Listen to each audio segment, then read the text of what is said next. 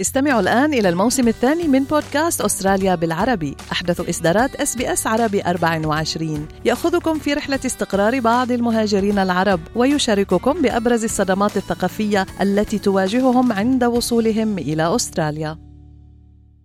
أنتم برفقة إس بي إس عربي 24 من مراسلينا.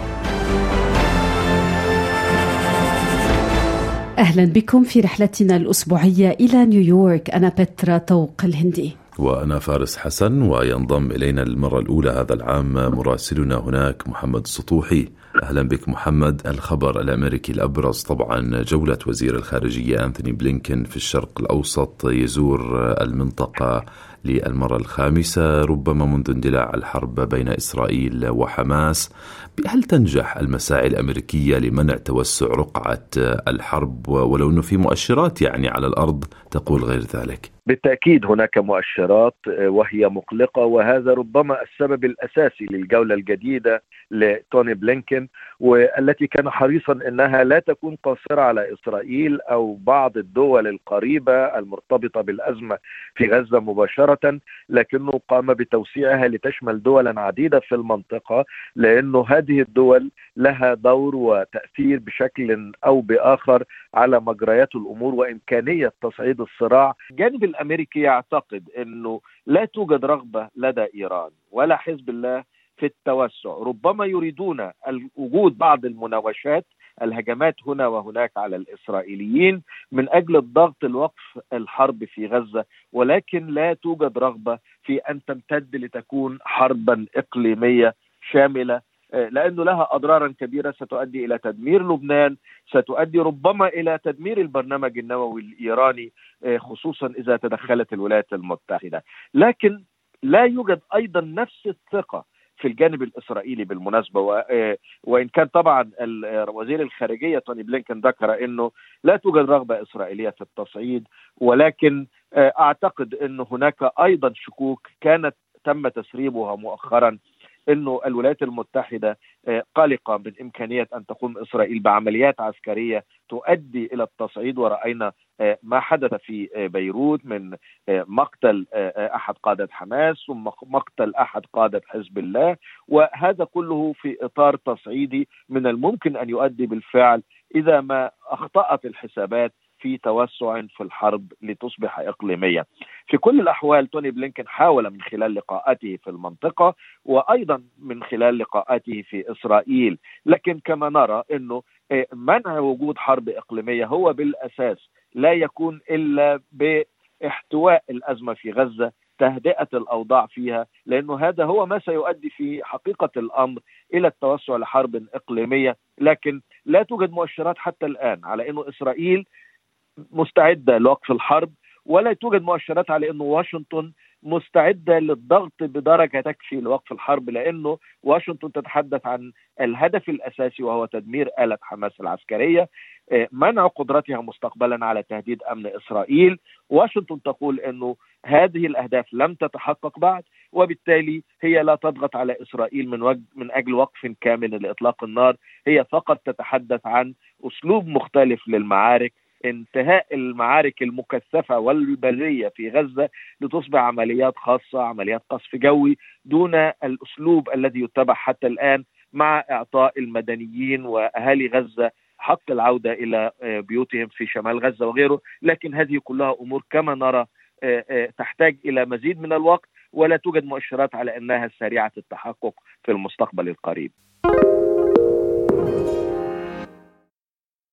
محمد بالعودة إلى تصويت مجلس الأمن الدولي على قرار يدين ويطالب بوقف فوري للهجمات التي يشنها المتمردون الحوثيون في اليمن على السفن التجارية تحديدا في منطقة البحر الأحمر. من المقرر أن يتم التصويت اليوم يشار يعني بحسب التقارير إلى أن ما لا يقل عن عشرين هجوما للحوثيين أعاقوا التجارة العالمية. وهناك حديث عن تقويض الحريات الملاحية. كيف تقرأ هذا التصويت المقرر بالتوقيت والمضمون محمد؟ طبعا هذا يعني يمتد ويدخل فيما كنا نتحدث عنه من إمكانية توسع الحرب في غزة لتصير إقليمية. رأينا الهجمات التي تحدثت عنها في البحر الأحمر.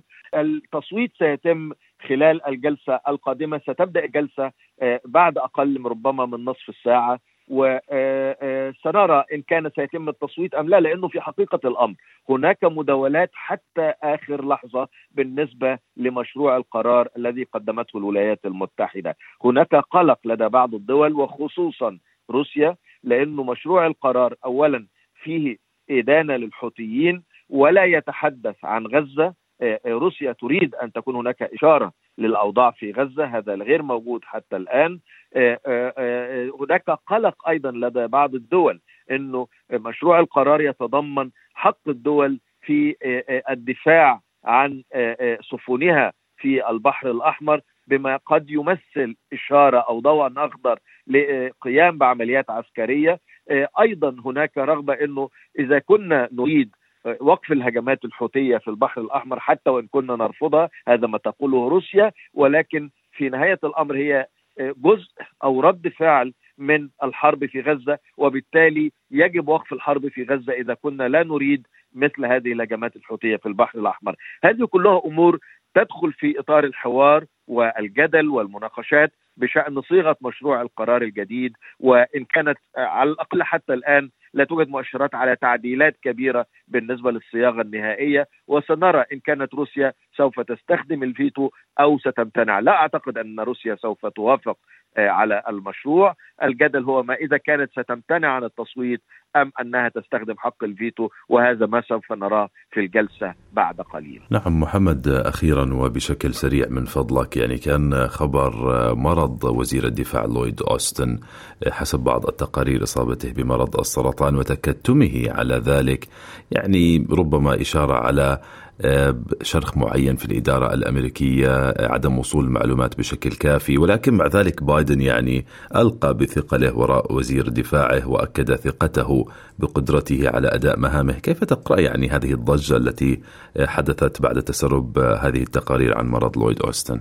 بالتأكيد هذه هي القضية أنه السرية في التعامل مع هذه القضية وأن لويد أوستن لم يبلغ الرئيس الأمريكي بهذا المرض أو بظروفه رغم إنه دخل المستشفى مرتين ولم يبلغ حتى نائبته التي كانت في إجازة أثناء دخوله المستشفى ولم تعلم بذلك أيضا أنه دخل المستشفى لإجراء الفحوصات ومن قبلها لإجراء عملية جراحية، لم يكن هناك أي علم بطبيعة المرض ولماذا هو في المستشفى، هذه كلها أمور ليست فقط أنها تمثل مشكلة بالنسبة للتسلسل القيادي، ولكن أنه إدارة بايدن جاءت لتقول أنه كانت هناك فوضى في إدارة ترامب، ولم تكن هناك شفافية في إدارة ترامب، ونحن جئنا هنا لإصلاح هذه الفوضى والخطأ، ولكن عندما تأتي هذه المشكلة لإدارة بايدن فإنها تمثل عقبة بالنسبة لتوصيل الرسالة السياسية التي يريدون التأكيد عليها. ومن هنا كان القلق داخل الإدارة الأمريكية. لكن حتى الآن بايدن يقول أنا أدعم وزير الدفاع أنا القلق الأهم هو صحة وزير الدفاع ولكن بالتأكيد سوف تكون هناك أمور كثيرة مرتبطة بهذا الأمر فيما بعد. من الولايات المتحدة الأمريكية تحدثنا مع مراسلنا محمد السطوحي. شكرا جزيلا لك محمد. استمعوا الآن إلى الموسم الثاني من بودكاست أستراليا بالعربي. أحدث إصدارات اس بي اس عربي 24 يأخذكم في رحلة استقرار بعض المهاجرين العرب ويشارككم بأبرز الصدمات الثقافية التي تواجههم عند وصولهم إلى أستراليا.